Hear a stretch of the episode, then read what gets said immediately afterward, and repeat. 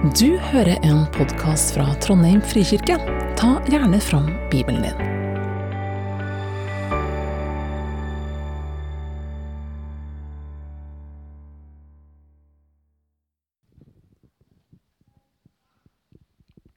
Jeg skal lese fra Lukasevangeliet, kapittel 4, vers 16-30. Han kom også til Nasaret, hvor han var vokst opp, og på sabbaten gikk han inn i synagogen, slik han pleide. Da han reiste seg for å lese, rakte de ham profeten Jesajas bok. Han åpnet bokrullen og fant stedet der det står skrevet. Herrens ånd er over meg, for han har salvet meg for til å forkynne et godt budskap for fattige. Han har sendt meg for å rope ut at fanger skal få frihet og blinde få syne igjen, for å sette undertrykte fri og rope ut et nådens år for Herren. Så rullet han bokrullen sammen, rakte den til synagogetjeneren og satte seg. Alle i synagogen stirret spent på ham.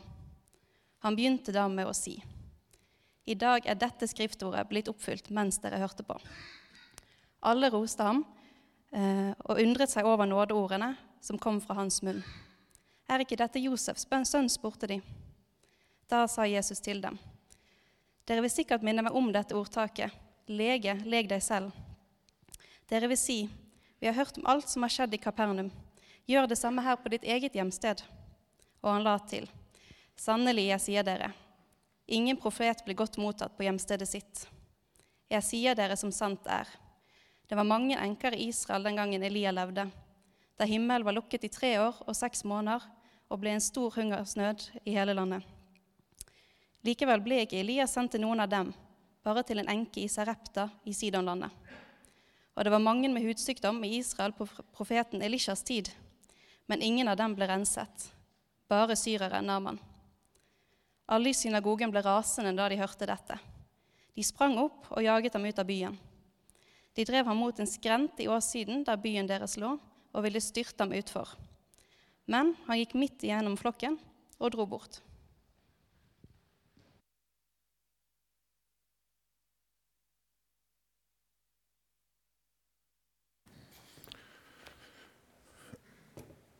Jeg vet ikke om eh, du kan se for deg Jesus som baby. Det tror jeg de fleste av oss kan. Vi har vel et slags bilde av denne krybba og stallen um, og et lite barn. Kan du se for deg Jesus som tolvåring i tempelet? Det tror jeg vel også er ganske ok. En liten sånn uh, småvokst, uh, klok liten gutt som står der og setter fariseerne og de skriftene litt til veggs. Kan du se for deg Jesus som 30-åring når han står fram i Galilea, forkynner om Guds rike? Ja, vi har jo et bilde av hvordan Jesus så ut, og hvordan han var. Men klarer du å se for deg Jesus som en hengslete 17-åring? Eh, kvise kanskje, og fett hår og eh, litt uh, ufordragen tenåring som er sammen med kompisene og spiller ball i Nasaret. Eller som eh, kikker på jentene på sabbatskvelden, lørdagskvelden når sabbaten er over. Eller ned og bader i Genesaretsjøen. Det er vanskeligere.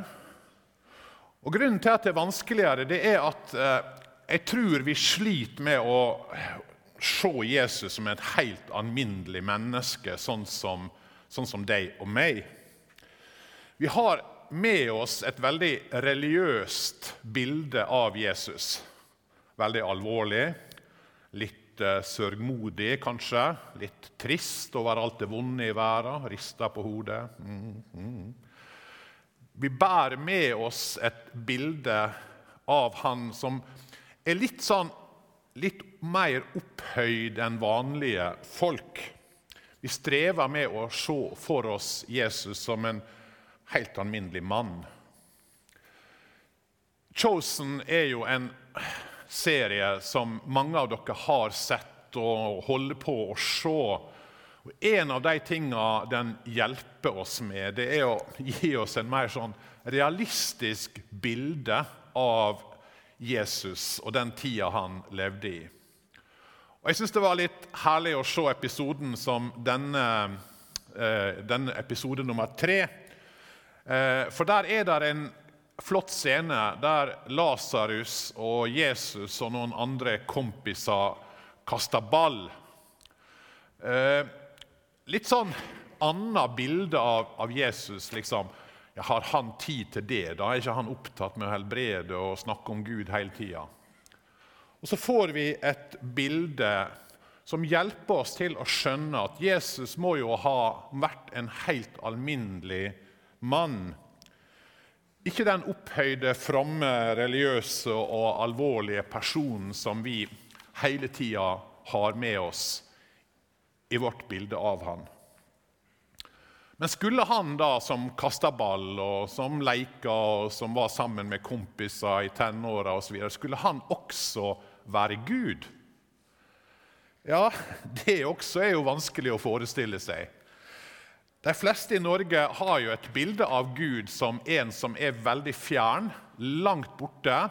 Han skapte verden og satte alt i gang, men så bryr ikke han seg så mye mer. Han eh, han er på en måte overlatt til oss, dette her, å styre. Og at han skulle blande seg inn i denne verden, at, at den evige, allmektige Gud skulle bli et menneske, det er vanskelig. Og Hvis vi syns det er vanskelig, så kan jeg bare fortelle deg at for en jøde på Jesu tid så var det veldig, veldig mye mer vanskelig. Fordi Gud for en jøde vil jo alltid være hellig, opphøyd, allmektig. Han er overalt, over himmel og jord. Skulle Gud da bli et menneske i kjøtt og blod, det var blasfemi. Så Jesus han utfordra både våre norske religiøse tanker og han utfordra de religiøse i si tid. Han var et vanlig menneske, og så påstår han samtidig at han var Gud. Og Det utfordra selvfølgelig deg. Og Vi leser liksom flere ganger liksom, er ikke dette bare tømmermannens sønn. Heter ikke hans mor Maria, hans brødre Jakob og Josef og Simon og Judas? inn i vår tid utfordrer også Jesus, fordi mange vil ha han som uh.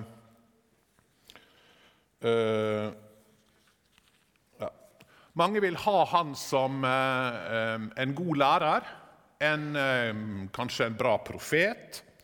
Men Gud, skulle han virkelig være Gud, som vil være herre i våre liv i dag? Og når jeg slo, så denne episoden med Chosen, eh, når jeg skulle forberede meg til denne talen, så slo det meg hvor vanskelig det må ha vært for de i synagogen i Nasaret denne dagen. Både for disiplene, men også for de andre som var der. Å akseptere at Jesus var Gud. De skjønte jo at han var en undergjører. De skjønte at han, det var noe spesielt med han og at han kanskje kunne være noe mer enn en vanlig rabbi.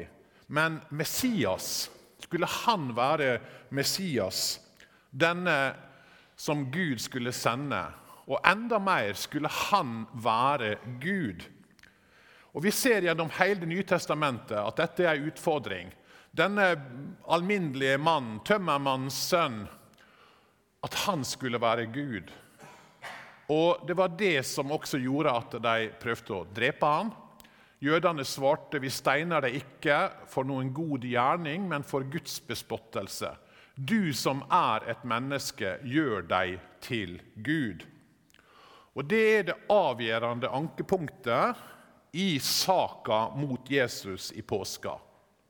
Det er mange andre motiv, skjulte motiv, men det var dette som var anklagen mot han at han gjorde seg sjøl til Gud. Samtidig er jo dette da et kjernepunkt i vår kristne tru, og som har vært vanskelig for mange kristne også å holde fast på. Mange av eh, Kirkemøter i oldtida handler jo om akkurat dette. Kan Jesus virkelig være både sant menneske og sann Gud? Kirkemøter handler ikke om strategier for evangelisering og valg av eh, synode og valg av råd og alle disse tingene her. De handler først og fremst om å verne om læra. Fordi den ble utfordra fra alle kanter. Verne om læra om at Jesus både er Gud og menneske. For kristendommen spredde seg i en kultur der dette var umulig for de fleste å ta imot. En møtte en synkretisme som gjorde at dette ble angrepet fra alle kanter, både fra venstre og fra høyre. Og Kirkefaderen Antanasius han sier hvilken urimelig er, urimelighet er det vi spottes for utenfor denne, at ordet er blitt kjød. Denne læra om at Jesus både er menneske og Gud, ble angrepet fra høyresida og fra venstresida. Høyresida overbetonte det guddommelige og mente at ingen Gud har blitt virkelig menneske. Han kan se ut som et menneske, han kan oppføre seg som et menneske, men han er ikke virkelig et menneske. Fra den andre sida ble Kristi menneskelighet betona. Og de mente at ingen Gud, det er ikke den virkelige Gud som har blitt menneske, men en utsending, en profet. Og Det skumle med denne vranglæra da, det var jo at de forkasta ikke helt Kristi guddom eller Kristi menneskelighet. Og En tenker, filosof som heter Blaise Pascal, han sier det at villfarelsene er farligst fordi, seg, fordi de som regel har med seg noe som i og for seg er riktig. Det gale er at de utelukker noe annet som også er sant. Så i angrepet på denne læra så var ikke det sånn at de fornekter alt, men de overbetona og utelukka ting som gjorde at det enda i et, eh, ei vrang lære om hvem Jesus var. Og Så spør selvfølgelig vi er det så farlig da. Eh, trenger vi å bry oss? Eh, og Det har Kirka gjennom alle tider meint. Ja, vi trenger å bry oss. Dette er viktig fordi det handler om frelsa. Slik som det heter i vår bekjennelse Guds sønn har tatt på seg menneskelig natur for at han skulle forlike Faderen med oss. Og Det her det er kanskje viktig, og jeg bruker litt tid på dette her, fordi dette handler ikke bare om et lærepunkt eller et dogme som vi kan være enige eller uenige om. Det handler om helt fundamentalt hvem er Jesus, og hvorfor kom han? Og hva er det han gjør, og hva er denne frelsa som han kommer med? Og Gjennom hele eh, oldkirka så var det en kamp om å bevare denne trua. Vi skulle jo tro at kirka på den tida hadde nok med forfølgelse, motstand, kamp osv. Men likevel er det denne pressa og forfulgte kirka som har gitt oss de viktige dokumentene vi har de truvedkjenningene som vi har som felles truvedkjenninger i alle kristne kirkesamfunn, og har hatt det gjennom 2000 år. Den apostoliske trosbekjenninga, den som vi sa fram nå rett før eh, talen. Nikenum, som vi bruker av og til i gudstjenestene. Og den atanasianske trosbekjennelse, som vi ikke så ofte sier fram i kirka. Men i Nikenum så sier vi egentlig så ser vi hvordan dette er på en måte en kamp for å beholde både tanken om Jesus som Gud og at han var et virkelig menneske. Og Sånn lyder det i Nikedum at Jesus er sann Gud av sann Gud, født, ikke skapt, av samme vesen som Faderen, ved Han er alt blitt skapt.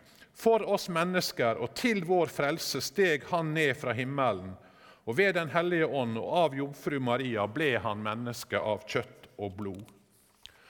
Dette var det det sto om i de første århundrene i kirka. Kan vi tro at Jesus både er sann Gud og sant menneske?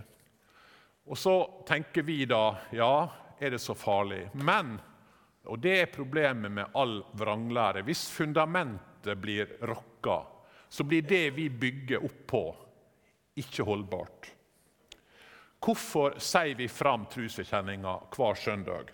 Jo, for det handler om hvor er tyngdepunktet? Hva er fundamentet for oss som kristent fellesskap? Hva er det som binder oss sammen, og som gjør at vi står sammen i ei kirke? Det var ikke et forsøk på å forklare mysteriet. Slik tenkte aldri kirkefedrene. At trosbekjenninga skulle være ei forklaring på dette mysteriet. Nei, de prøvde bare å avvise falske måter å se dette på. De prøvde å sette opp et gjerde rundt den sanne trua. Det var alt de prøvde. Og Dette kjempa de for, midt altså i ei tid da de ble forfulgt og skulle tro at de hadde nok med å gjemme seg og skjule seg. Der er ei historie om en eh, som heter fader Agaton. Han var en av kirkefedrene som levde ute i ørkenen. Det var noen som oppsøkte han fordi de hadde hørt at han levde et, et hellig liv og hadde et sånt godt omdømme. Så de tenkte de skulle fleipe med han. De skulle erte han. Så en av de ville se om han hadde humor, så de spøkte, og så var det en som sa jaså, du er Agaton. Vi har hørt at du er både ekteskapsbryter og en hovmodig mann. Ja visst er det slik, sa han.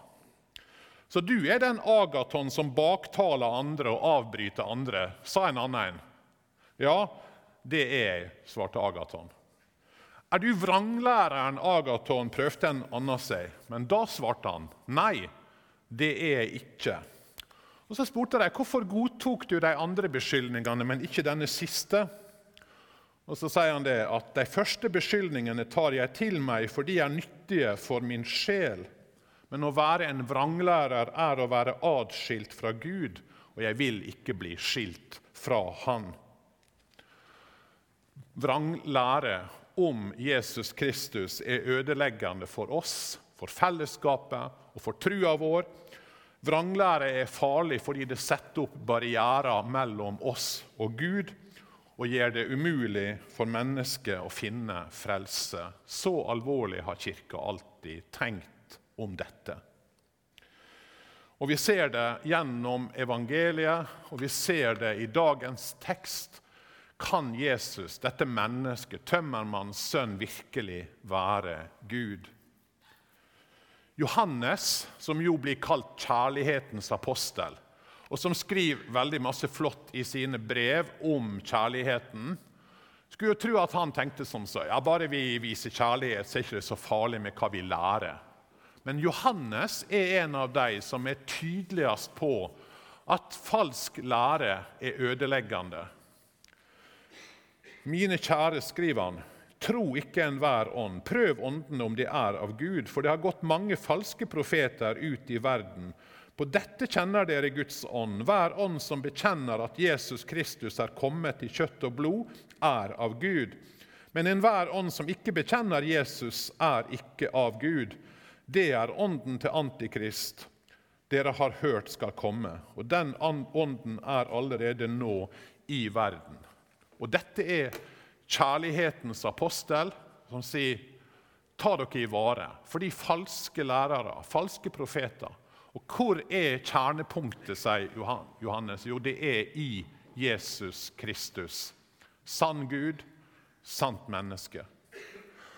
Og Jeg snakka om det på forrige søndag også når vi snakka litt om Bibelen. Dette med at Bibelen både er menneskeord og samtidig Guds ord. Å holde fast på begge deler er faktisk ganske vanskelig. Men det er helt avgjørende. For hvis ikke så blir den bare menneskeord som vi kan velge å forholde oss til, eller så blir den en åndelig bibelforherligelse som fører oss ut i store problem. Og likevel, fordi Bibelen både er menneskeord og Guds ord, så har den ett og samme ansikt sier Augustin. Og Likedan når vi feirer nattvær. Er dette brød og vin? Ja. Er det samtidig Jesu kropp og Jesu blod? Ja. Begge deler. Når vi har dåp, er det vann? Ja. Helt alminnelig vann. Er det samtidig Guds handling med oss? Ja. Når vi er samla her, en flokk i Trondheim frikirke, er vi helt alminnelig, et alminnelig fellesskap, en samling mennesker? Ja. Er vi samtidig Kristi kropp, samla her? Ja. Vi ser gjennom alt så går det igjen. Dette er et både sant menneske, sant Gud, sant eh, Guds ord og menneskeord, og som jeg sa, med sakramenter og fellesskapet. Jeg har brukt en del tid på dette, for jeg tror faktisk det er viktig. Fordi at denne kampen for å beholde trua på at Jesus virkelig er både Gud og menneske, den trenger vi hele tida å holde fast på.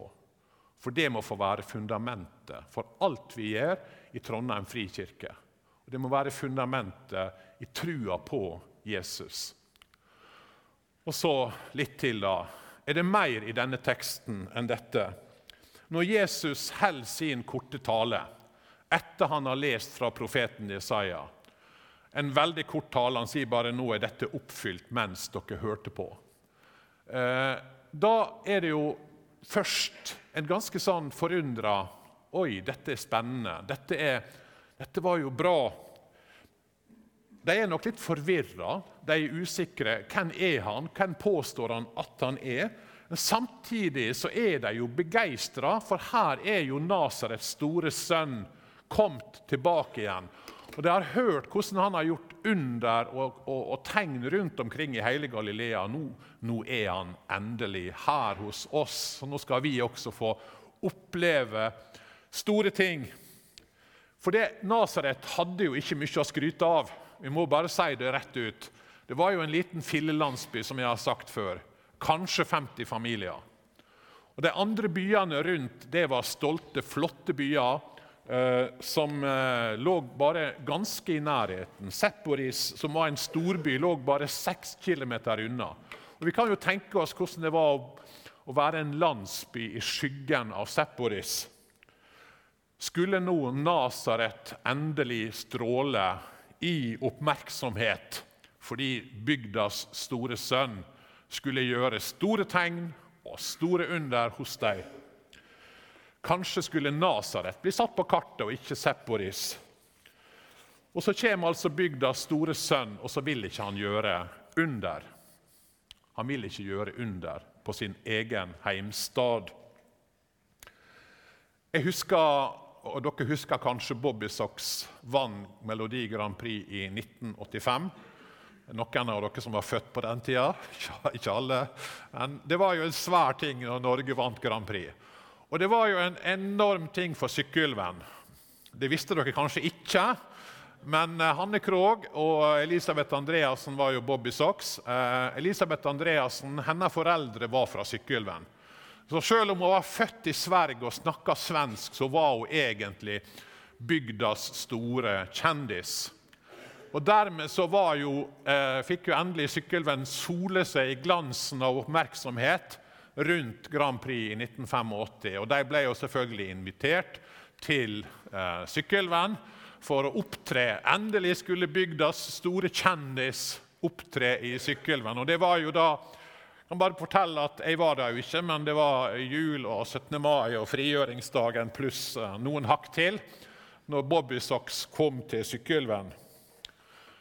Klart at bygdas store kjendis skulle kaste glans over Sykkylven, selv om hun aldri hadde bodd der.